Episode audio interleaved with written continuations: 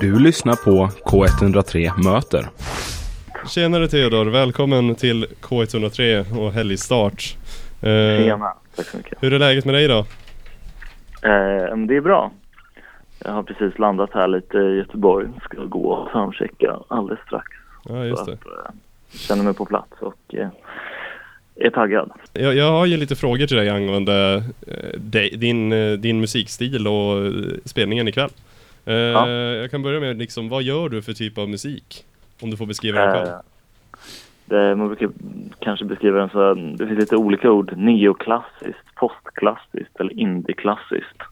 Vilket är att man liksom rotad i någon slags eh, kompositörs tonsättartradition men man blandar det med moderna elektroniska element som ambiens och lite trummor och eh, en ganska fri musikstil. Den är lite rotad i att man är liksom en, en artist från populärkultur som ställer sig på scen och liksom gör musik samtidigt som man skriver musik som är lite rotad i en klassisk tradition. Så det är en slags ny typ av klassisk musik skulle jag säga. Ny klassisk musik alltså. Eh, vad var det som fick dig att börja, börja med det? Eh, det var nog att jag var rotad lite i båda ändarna. Pluggade lite jazz, spelade lite klassiskt och sen så har jag också producerat lite mer pop och hiphop. Och sen så när jag skulle göra egen musik så föll det sig ganska naturligt att blanda mitt liksom pianospel med mina med syntar och liksom med det jag hade lärt mig inom produktionen. Mm. Eh, så blev det ganska cinematisk musik. Hur var det du lär, vad var det du lärde dig eh, att börja spela musik liksom? Eh, jag började på så här klassisk, kom från Strängnäs i kulturskolan och så började jag spela massa lokala band. Jag var basist från början och sen så liksom gick jag någon estetutbildning och gick folkhögskola, gick musikhögskolan. Mm. Eh, så både liksom praktiserat och pluggat. Just det. Och bara, ja, sen var 14 är musik det man har gjort, eller jag har gjort. Ja just det, just det. Vilka, vilka skolor du har varit på? Eh, men jag har gått på en folkskola som heter Lunnevad, folkhögskolan för Linköping, gymnasium heter Söderlatin, Kungliga Musikhögskolan i. Mm. Ja. Just det, just det. Eh, men en gång, har du varit här i Göteborg tidigare och spelat? Eh, ja, det blir tredje gången. All right. Hur brukar det vara? det har varit toppen. Jag har varit lite olika. Jag spelade upp restaurangen i Yakida förra året. Och sen så spelade jag på Way Out West nu i Betlehemskyrkan i augusti, sent på natten. Det var väldigt, ja, en väldigt härlig, häftig stämning mm. en tyst kyrka och sådär. Var det då i själva kyrkosalen eller var det de här lite samlingslokalerna som är? Ja, det var liksom i själva kyrkosalen där. Okej. Okay. Ja. Uh, all right. Uh, när du skapar din musik, har du någon, är det någon tema, något tema, underliggande tema i musiken eller någon speciell känsla du brukar vilja förmedla i din, i din process när du skapar, när du ja, gör musiken? Um, ja, men jag brukar eh, liksom när jag gör egna liksom eh, skivor eh, försöka hitta något slags koncept eller någonting liksom, som man kan studsa. För den instrumentala musiken kan ju vara liksom rätt abstrakt i sin karaktär. Men om jag har liksom på min senaste skiva så använder jag mig av eh, konstverk av René Magritte som är en surrealistisk eh, konstnär från Belgien som, eh, så samarbetade jag med lite olika artister så tolkade vi eh, lite fritt de här liksom, tavlorna och eh, de här färgerna och målningarna. Men, men, brukar det vara din främsta inspirationskälla? Eh, vanligtvis brukar många musiker lyssna på annan musik kanske för att få någon inspiration men brukar du primärt kolla på konst för att och sen vilja förmedla den känslan som konsten ger dig?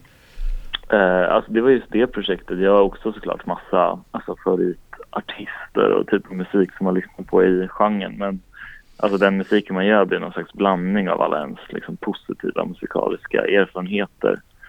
Ehm, eh, men då brukar jag inte bara, alltså min första album hade ett annat typ av tema. Det skulle beskriva liksom, upplevelsen av att vara, jobba med kultur i en kapitalistisk samtid och eh, läste lite böcker och hade liksom så staden och eh, rätt mycket stadsljud som brusade på skivan för att liksom försöka brottas mellan det kontemplativa och det liksom brusiga staden. Och, Eh, jag brukar angripa det på lite olika sätt. Eh, så att liksom andras musik är nog som en referensram som inte är direkt men som finns i vad jag lyssnar på och gillar och sen så tar jag en idé eller koncept och försöker utföra det ganska fritt. Eh, All right. Just det, just det. Vad heter det nu? mm, Vi, eh, har, du- har du varit på Pustervik tidigare när du har varit på, här i Göteborg? eh, jag har inte varit här och spelat, jag har varit här och kollat på någon spelning. Okej. Eh, vad, hur, vad har du för förväntningar på din spelning ikväll? Eh, men jag är mest taggad.